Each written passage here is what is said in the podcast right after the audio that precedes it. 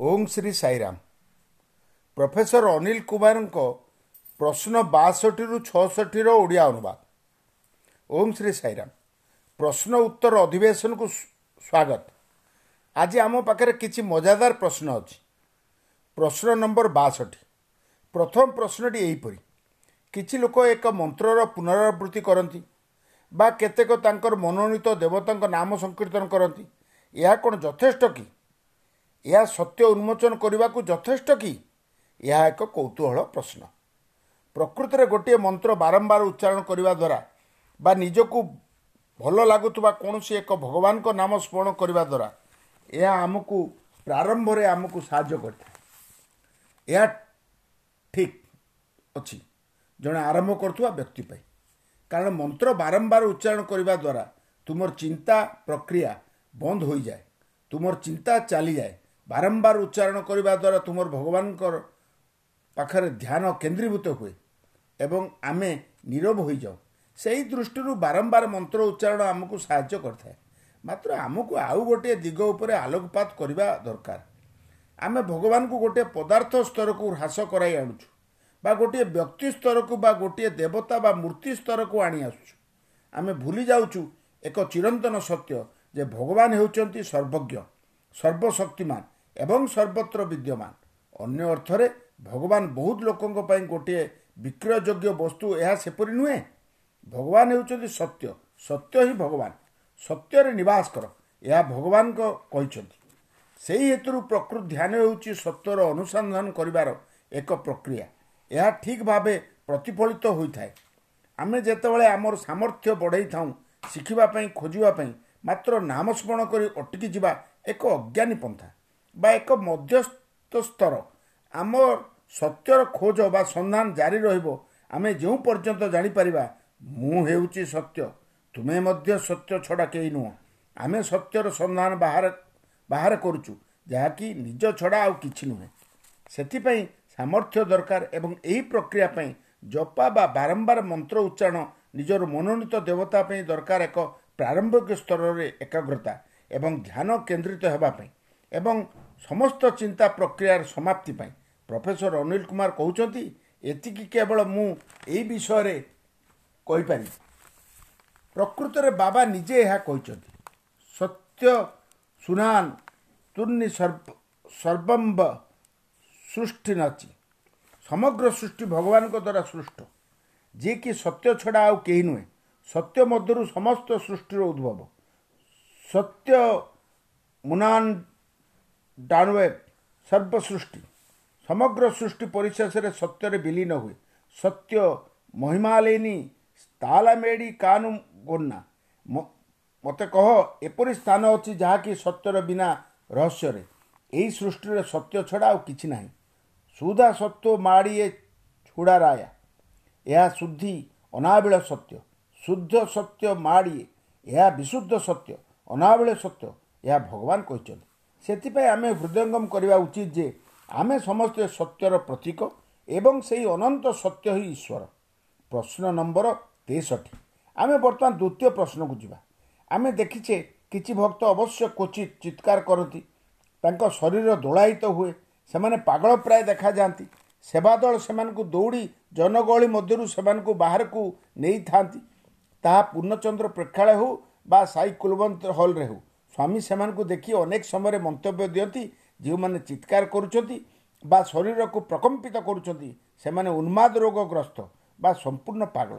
ମୁଁ ମଧ୍ୟ ଜଣେ ମହିଳାକୁ ଜାଣିଛି ଯେ ସ୍ୱାମୀଙ୍କ କାର୍ ପଛରେ ଦୌଡ଼ନ୍ତି ଚିତ୍କାର କରନ୍ତି। ସ୍ୱାମୀ ସେଆଡ଼କୁ ଆଙ୍ଗୁଳି ନିର୍ଦ୍ଦେଶ କରି କହନ୍ତି ସେ ଜଣେ ମାନସିକ ବିକାରଗ୍ରସ୍ତ ମହିଳା ଏଠାରେ ମୋତେ ପଚରାଯାଇଥିବା ପ୍ରଶ୍ନଟି ହେଲା ପ୍ରଶ୍ନକର୍ତ୍ତା ଚାହାନ୍ତି ମୁଁ ଏହାକୁ ବ୍ୟାଖ୍ୟା କରେ ବିଭିନ୍ନ ପ୍ରକାର ଲୋକଙ୍କ ବାବଦରେ। ଆମେ ଏହି ସମ୍ବନ୍ଧରେ ପ୍ରକଳ୍ପ ପ୍ରାଞ୍ଜଳ ହେବା। ଲୋକମାନେ କହିପାରନ୍ତି ଏହା ଏକ ରହସ୍ୟମୟ ଅନୁଭୂତି ନା ନିଶ୍ଚିତ ଭାବରେ ନୁହେଁ। ଏହା ରହସ୍ୟମୟ ଅନୁଭୂତି ଆଦୌ ନୁହେଁ ବା ଏହା ବାସ୍ତବ ନୁହେଁ। ଅନେକ ଲୋକ ଦାବି କରନ୍ତି ଯେ ଏହା ଏକ ରହସ୍ୟମୟ ଅନୁଭୂତି ଯଥା ଚିତ୍କାର କରିବା ସ୍ୱାମୀଙ୍କ କାର୍ ପଛରେ ଦୌଡ଼ିବା ବା ଶରୀରକୁ ପ୍ରକମ୍ପିତ କରିବା ଯେଉଁ ସଂଜ୍ଞା ଦିଆଯାଉନା କାହିଁକି ଏହା ସବୁ ନକଲି ଏବଂ ବରଂ ସେମାନେ ସ୍ନାୟୁଗତ ରୋଗଗ୍ରସ୍ତ ଅଛନ୍ତି। ମୁଁ ମୁଁ କହିବି ସେମାନେ ମାନସିକ ବା ଉନ୍ମାଦ ରୋଗୀ। ତେଣୁ ଏହି ପ୍ରକାର ଲୋକଙ୍କ କଥାରେ ଯିବା ନାହିଁ। ଯେଉଁମାନେ ରହସ୍ୟମୟ ଅଭିଜ୍ଞତା କଥା କହନ୍ତି। ନା ଆମେ ପରିଶେଷରେ ତାଙ୍କଠି କ'ଣ ପାଇଁ କେଉଁ ବୈଶିଷ୍ଟ୍ୟ ପାଉ ଆମେ ଦେଖୁ ଏ ପ୍ରକାର ଲୋକ ଅତ୍ୟନ୍ତ ଦୁଃଖୀ ଓ ବିଷାଦଗ୍ରସ୍ତ। ସେମାନେ ଅତି ମାତ୍ରାରେ ଚିନ୍ତିତ। ସେମାନେ କୌଣସି ଧ୍ୟାନ ଦିଅନ୍ତି ନାହିଁ। ସେମାନଙ୍କର ଏକାଗ୍ରତା ନାହିଁ ଓ ସେମାନେ ସୃଜନଶୀଳ ନୁହନ୍ତି। ସେମାନେ କେବଳ ତାଙ୍କ ରହସ୍ୟମୟ ଅନୁଭୂତି ଦେଖାଇବାକୁ ଚାହାନ୍ତି। ଏବଂ ଏହା ଆମେ ନିର୍ଣ୍ଣୟ କରିପାରିବା ଯେ ସେମାନେ ଏପରି ପନ୍ଥା ଅନୁସରଣ କରିଛନ୍ତି। କାରଣ ଏ ପ୍ରକାର ପନ୍ଥା ତାଙ୍କ ପାଇଁ ଲାଭକାରୀ। ସେମାନେ ଛଳନାକାରୀ ଗୋଟିଏ ପ୍ରକାର ସେମାନେ ବେପାରୀ। ମାତ୍ର ଅନ୍ୟ ପକ୍ଷରେ ଯଦି ଏହା ତାଙ୍କର ପ୍ରକୃତ ଅଭିଜ୍ଞତା ବା ଅନୁଭବ ହୋଇଥାଏ ସେମାନେ ଜୀବନରେ ପରିପୂର୍ଣ୍ଣ। ସେହି ହେତୁରୁ ସେମାନେ ପ୍ରେମମୟ ହୋଇଥିବେ ବା ପୂର୍ଣ୍ଣ ଜୀବନ୍ତ ଥିବେ ତାଙ୍କର ଚେହେରାରେ। ସେମାନେ ବୁଦ୍ଧିମାନ ଲୋକ ପ୍ରକୃତ ଓ ସଠିକ୍ ଲୋକ ମାନେ ଦୟା ଓ କରୁଣାମୟ ହୋଇଥିବେ। ସେମାନଙ୍କର ଉପସ୍ଥିତ ବୁଦ୍ଧି ଥିବ ଏବଂ ତାଙ୍କ ଚେହେରାରେ ଚମକ ଝଲସୁଥିବ ଓ ସେମାନେ ମଧ୍ୟ ସୃଜନଶୀଳ ବ୍ୟକ୍ତିତ୍ୱ ହୋଇଥିବେ। ମୁଁ ବର୍ତ୍ତମାନ ଦ୍ୱିତୀୟ ପ୍ରଶ୍ନକୁ ଯାଉଛି। ପ୍ରଶ୍ନଟି ହେଲା ସ୍ୱାମୀଙ୍କ ଆଧ୍ୟାତ୍ମିକ ଭାବେ କିପରି କୃତଜ୍ଞତା ଜଣାଇବା? ତାଙ୍କୁ କିପରି ସବୁ ବିଷୟରେ ଅନୁଭବ କରିପାରିବା? କ'ଣ ଇଚ୍ଛା ଯାହା କରିବା ଦରକାର? ଖୁବ୍ ଭଲ। ଆଧ୍ୟାତ୍ମିକ ସ୍ତରରେ ସ୍ୱାମୀଙ୍କୁ କିପରି ଧନ୍ୟବାଦ ଜ୍ଞାପନ କରିବା? ପ୍ରକୃତରେ କହିବାକୁ ଗଲେ ଭଗବାନ କାହାରିଠାରୁ ଧନ୍ୟବାଦ ଆଶା କରନ୍ତି ନାହିଁ। ଏହା ସେ ଅନେକ ସମୟରେ କହିଥାନ୍ତି ମୁଁ କୌଣସି ତୃତୀୟ ବ୍ୟକ୍ତି ନୁହେଁ। ତୁମେ କ'ଣ ତୁମ ପିତାମାତାଙ୍କୁ ଧନ୍ୟବାଦ ଦିଅ? ନାହିଁ ନା ଅନ୍ୟ ପକ୍ଷରେ ପିତାମାତା ତୁମକୁ ସେବା ଯୋଗାଇ ଦେଇ ଆନନ୍ଦ ପାଆନ୍ତି। ତୁମେ ଯାହା ଆଶା କର ତାକୁ ଦେଇ ସେମାନେ ସନ୍ତୋଷ ଲାଭ କରନ୍ତି ଆତ୍ମସନ୍ତୋଷ ଲାଭ କରନ୍ତି। ସେମାନେ ଏହାକୁ ତାଙ୍କର କର୍ତ୍ତବ୍ୟ ବୋଲି ବିବେଚନା କରନ୍ତି। ଏଣୁ ସ୍ୱାମୀ କହନ୍ତି ଏସବୁ କରିବା ମୋର କର୍ତ୍ତବ୍ୟ। ତୁମଠୁ ଧନ୍ୟବାଦ ବା କୃତଜ୍ଞତା ପାଇବା ଆଶାରେ ନୁହେଁ। ଏହା ସ୍ୱାମୀଙ୍କ ସ୍ତରର ଚିନ୍ତାଧାରା। ବର୍ତ୍ତମାନ ଆମେ ଆମ ସ୍ତରର ସମୀକ୍ଷା କରିବା ସ୍ୱାମୀଙ୍କୁ କିପରି ଧନ୍ୟବାଦ ଦେବା? ପ୍ରଫେସର ଅନିଲ କୁମାର କହୁଛନ୍ତି ମୁଁ ବ୍ୟକ୍ତିଗତ ସ୍ତରରେ ଅନୁଭବ କରୁଛି। ଆମେ ସ୍ୱାମୀଙ୍କୁ ଆଧ୍ୟାତ୍ମିକ ସ୍ତରରେ ଧନ୍ୟବାଦ ଦେଇପାରିବା ଯଦି ଆମେ ତାଙ୍କ ନିର୍ଦ୍ଦେଶାବଳୀ ଅନୁସାରେ ଜୀବନଯାପନ କରୁ। ଆମେ ଯଦି ତାଙ୍କ ନିର୍ଦ୍ଦେଶାବଳୀକୁ ଅନୁସରଣ କରୁ ଆମେ ଯଦି ତାଙ୍କର ଉପଦେଶ ମାନୁ ଆମେ ତାଙ୍କୁ ଆଧ୍ୟାତ୍ମିକ ସ୍ତରରେ ଧନ୍ୟବାଦ ଦେଇପାରିବା ଆମେ ଯଦି ସେବା କାର୍ଯ୍ୟକ୍ରମରେ ଯୋଗଦାନ କରୁ ସାଇ ମିଶନ ସହ ବା ସାଇ ସଂଗଠନ ସହ ସଂଯୁକ୍ତ ହେଉ ଆମେ ଭଗବାନଙ୍କୁ ଆଧ୍ୟାତ୍ମିକ ସ୍ତରରେ ଧନ୍ୟବାଦ ଦେଇପାରିବା।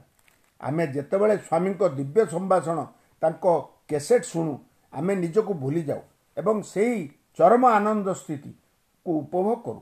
ଏହା ଆଧ୍ୟାତ୍ମିକ ସ୍ତରରେ ସ୍ୱାମୀଙ୍କୁ ଧନ୍ୟବାଦ ଭଳି। ଆମେ ଯେତେବେଳେ ତାଙ୍କର ଗୁଣାବଳୀ ଗାନ କରୁ ନାମ ସ୍ମରଣ କରୁ ଆମେ ଆନନ୍ଦରେ ହଜିଯାଉ ଆମ ନିଜ ଅସ୍ତିତ୍ୱକୁ ଭୁଲିଯାଉ ମିଶିଯାଇ ଏବଂ ଏବଂ ସଙ୍ଗୀତରେ ଆତ୍ମବିଭୋର ହୋଇଯାଉ। ସ୍ୱାମୀଙ୍କୁ ଆମେ ଆମ ହିସାବରେ ଆମ ସାମ୍ନାରେ ବିଦ୍ୟମାନ ବୋଲି କଳ୍ପନା କରୁ। ଏହା ହେଉଛି ସ୍ୱାମୀଙ୍କୁ କୃତଜ୍ଞତା ଏବଂ ଆଧ୍ୟାତ୍ମିକ ସ୍ତରରେ ଧନ୍ୟବାଦ ଦେବା ଭଳି। ସବୁ ସମୟରେ ଭଗବାନଙ୍କୁ କିପରି ଅନୁଭବ କରିପାରିବା ଏହା ପ୍ରଶ୍ନର ଅନ୍ୟ ଏକ ଅଂଶ। ଯାହା ତୁମେ ପଚାରିଛ। ତୁମେ ସ୍ୱାମୀଙ୍କୁ ଅନୁଭବ କର ସବୁ ସମୟରେ ଯେତେବେଳେ ତୁମେ ତୁମର କାୟ ମନ ବାକ୍ୟ ତାଙ୍କ ତାଙ୍କୁ ଅର୍ପଣ କର। ଏହା ଠିକ୍। ସର୍ବକର୍ମ ଭଗବତ ପ୍ରୀତ୍ୟର୍ଥମ ହେ ପ୍ରଭୁ ମୋର ସମସ୍ତ କାର୍ଯ୍ୟ ଆପଣଙ୍କ ସନ୍ତୁଷ୍ଟି ପାଇଁ ହେଉ।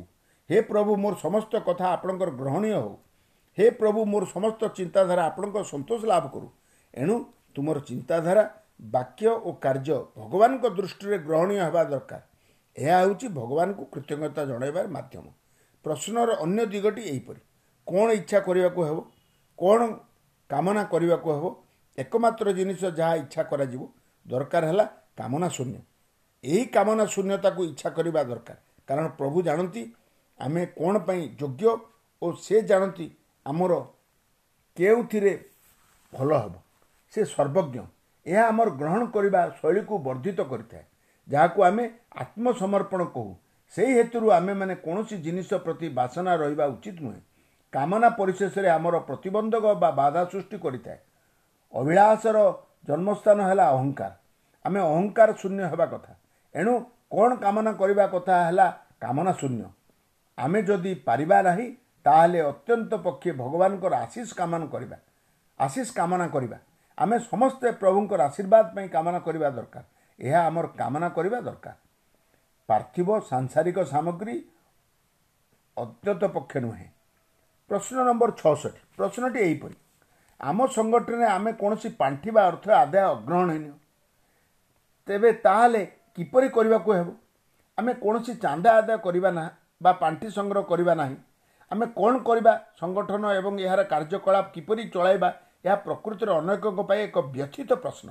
କାରଣ ସେମାନେ ଭାବନ୍ତି ଟଙ୍କା ଗୁରୁତ୍ୱପୂର୍ଣ୍ଣ। ସ୍ୱାମୀଙ୍କ ଉଦାହରଣ ନିଅ। ସେ ବାରମ୍ବାର କହନ୍ତି ଯେ ତାଙ୍କର ହାତ ବଢ଼େଇ ନାହାନ୍ତି କାହା ପାଖରେ ହାତ ପତେଇ ନାହାନ୍ତି। ବସ୍ତୁ ସାମଗ୍ରୀ ଏବଂ ଉତ୍ସ ଗୁଡ଼ିକ ତାଙ୍କ ଆଡ଼କୁ ମାଡ଼ି ଆସନ୍ତି। କାରଣ ପ୍ରଭୁଙ୍କର ଉଦ୍ଦେଶ୍ୟ ଶୁଦ୍ଧ। ପ୍ରଭୁଙ୍କର ସମସ୍ତ କାର୍ଯ୍ୟକଳାପ ସମଗ୍ର ମାନବ ଜାତିର କଲ୍ୟାଣ ପାଇଁ। ସ୍ୱାମୀ ଏବଂ ସ୍ୱାମୀଙ୍କ ଦ୍ୱାରା ନିଆଯାଇଥିବା ମାନବ କଲ୍ୟାଣ ପ୍ରକଳ୍ପ ଗୁଡ଼ିକ ଲୋକମାନଙ୍କୁ ଆକର୍ଷିତ କରିଥାଏ ଏବଂ ସ୍ୱାମୀ ସେମାନଙ୍କ ଅନ୍ତର ଭିତରୁ ପ୍ରେରଣା ଦିଅନ୍ତି। ସ୍ୱାମୀ ତାଙ୍କୁ ଅଂଶଗ୍ରହଣ କରିବାକୁ ଉତ୍ସାହିତ କରନ୍ତି। ଏଣୁ ଲୋକମାନେ ଆସି ଏହିସବୁ କାର୍ଯ୍ୟକ୍ରମରେ ଆସି ଖାଲି ଅଂଶଗ୍ରହଣ କରନ୍ତି ନାହିଁ ତାଙ୍କର ସମ୍ବଳ ବିନିଯୋଗ କରନ୍ତି ନିଜର ସାମର୍ଥ୍ୟ ଅନୁସାରେ। ଏହା ଏକ ସ୍ୱୟଂ ଉତ୍ପନ୍ନ ପ୍ରକ୍ରିୟା ଏକ ପ୍ରକାର ଆତ୍ମପ୍ରକାଶିତ ପ୍ରକ୍ରିୟା। ଏହା କୌଣସି ଅନୁରୋଧ ଅନୁରୋଧ ପ୍ରକ୍ରିୟାରେ ନୁହେଁ। ପ୍ରଫେସର ଅନିଲ କୁମାର ସ୍ୱାମୀଙ୍କୁ ସ୍ମରଣ କରି କହୁଛନ୍ତି ଥରେ ସ୍ୱାମୀ ଜଣେ ରାଜ୍ୟ ସଭାପତିଙ୍କୁ ବାରଣ୍ଡାରେ ସମସ୍ତଙ୍କ ସାମ୍ନାରେ ଚିତ୍କାର କରି କହିଲେ ମୁଁ ଚାହେଁ ତୁମେମାନେ ସମସ୍ତେ ବିଶାଳ ହେବା ପାଇଁ। ମାତ୍ର ତୁମେମାନେ ଭିକାରୀ ସ୍ତରକୁ ଓହ୍ଲେଇ ଯାଉଛ। ବଡ଼ ହୁଅ ଭିକାରୀ ନୁହେଁ। ମୁଁ ଜାଣୁଛି ତୁମେମାନେ ପାଣ୍ଠି ସଂଗ୍ରହ କରୁଛ ଏବଂ ଚାନ୍ଦା ଆଦାୟ କରୁଛ। ତୁମେମାନେ ଏପରି କାହିଁକି କରିବ? ତୁମେମାନେ କ'ଣ ଜାଣିନ? ଯେ ମୁଁ ଏହାର ଘୋର ବିରୋଧୀ। ତୁମର ଯଦି କିଛି ଦରକାର ମୋତେ ସିଧାସଳଖ ମାଗ। ଏଣୁ ମୁଁ ଏଠାରେ ଅଛି। ଦେବା ପାଇଁ। ତୁମେ ଯାହା ମାଗିବ ମାତ୍ର ଅନ୍ୟମାନଙ୍କ ସାମ୍ନାକୁ ଯାଇ ଚାନ୍ଦା ମାଗ ନାହିଁ। ସେହିପରି କରି ସେହିପରି ତୁମେ ମୋତେ ଶସ୍ତା କରିଦେଉଛ। ଖାଲି ମୋତେ ନୁହେଁ ସଂଗଠନ ଏବଂ ମୋର ସଂକଳ୍ପକୁ ମଧ୍ୟ ଜନସାଧାରଣଙ୍କ ଚକ୍ଷୁରେ ନିମ୍ନ କରିଦେଉଛ। ଆମ ସଂଗଠନର ବୈଶିଷ୍ଟ୍ୟ ହେଲା ଏଠାରେ ଆର୍ଥିକ ବା ହିସାବ କିତାବ ବିଷୟରେ ଆଲୋଚନା ହୁଏ ନାହିଁ। ଏତେ ବଡ଼ ଡାକ୍ତରଖାନା ଏତେ ବିରାଟ ବିଶ୍ୱବିଦ୍ୟାଳୟ ସେମାନଙ୍କର କୌଣସି ଆର୍ଥିକ ବିଭାଗ ନାହିଁ କୌଣସି ରସିଦ ବା ଭାଉଚର ନାହିଁ କୌଣସି ଚାନ୍ଦା ଆଦାୟ ଅଭିଯାନ ନାହିଁ। ବାବା ଆମକୁ ଗୋଟିଏ କାରଣ ବତାଇଛନ୍ତି। ତାହା ହେଲା ଯଦି ଆମର ଉଦ୍ଦେଶ୍ୟ ଶୁଦ୍ଧ ଓ ନିଃସ୍ୱାର୍ଥପର ଯଦି ତୁମେ ସମାଜ ପାଇଁ ସମ୍ପୂର୍ଣ୍ଣ ପ୍ରେମମୟ ଲୋକମାନେ ତୁମ ସହିତ ମିଳିତ ହେବା ପାଇଁ ଆଗ୍ରହ ପ୍ରକାଶ କରିବେ ଏବଂ ତୁମର କାର୍ଯ୍ୟକ୍ରମରେ ସାମିଲ ହେବେ। ତୁମେ ଲୋକମାନଙ୍କ ପଛରେ ଦୌଡ଼ିବା ଦରକାର ନାହିଁ। ଲୋକମାନେ ତୁମ ପଛରେ ଧାଇବେ। ପ୍ରଫେସର ଅନିଲ କୁମାର କୁହନ୍ତି ମୁଁ ଅନେକ ଦୃଷ୍ଟାନ୍ତ ଦେଖିଛି ଯେଉଁଠି ସ୍ୱାମୀ ଚେକ୍ ବା ନଗଦ ଟଙ୍କା ନେବାକୁ ମନା କରିଦେଇଛନ୍ତି। ଲୋକମାନେ ତାଙ୍କ ପଛରେ ଗୋଡ଼େଇଥାନ୍ତି ଅନୁରୋଧ କରିଥାନ୍ତି ଏପରିକି ଅଶ୍ରୁ ବିମୋଚନ କରିଥାନ୍ତି। ସ୍ୱାମୀ ତାଙ୍କର ଯୋଗଦାନ ଗ୍ରହଣ କରିବା ପାଇଁ ଏବଂ ତାଙ୍କୁ ଦିବ୍ୟ ସଂକଳ୍ପରେ ସାମିଲ ହେବା ପାଇଁ। ଏକ ତେଲୁଗୁ ପଦ୍ୟ ଯାହାର ଭାବାର୍ଥ ହେଲା ଏହିପରି ତୁମର ଉଦ୍ଦେଶ୍ୟ ଯଦି ଶୁଦ୍ଧ ଓ ନିର୍ମଳ ତୁମର ସମସ୍ତ କାର୍ଯ୍ୟ ସଫଳ ହେବା ବିଧେୟ।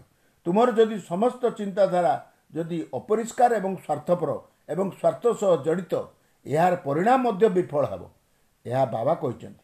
ସେହି ହେତୁରୁ ଆମେ ଆମର ଉଦ୍ଦେଶ୍ୟକୁ ଶୁଦ୍ଧ ପବିତ୍ର ଏବଂ ସମ୍ପୂର୍ଣ୍ଣ ଭାବରେ ପ୍ରେମମୟ କରିବା ଦରକାର। ଆମେ କୌଣସି ଆମ ମନରେ ମନ୍ଦ ଉଦ୍ଦେଶ୍ୟ ରଖି କାର୍ଯ୍ୟ କରିବା ନାହିଁ। ଏହି ଉତ୍ତର ମୁଁ ତୁମମାନଙ୍କ ସାଙ୍ଗରେ ଭାଗିଦାର ହେବା ପାଇଁ ଚାହିଁଛି। ଏହି ଅଧିବେଶନ ପାଇଁ ଆଜି ପର୍ଯ୍ୟନ୍ତ ପ୍ରଶ୍ନ ପାଇଥିଲେ ଏବଂ ଆମେ ପୁଣି ଥରେ ଭେଟିବା। ସାଇରାମ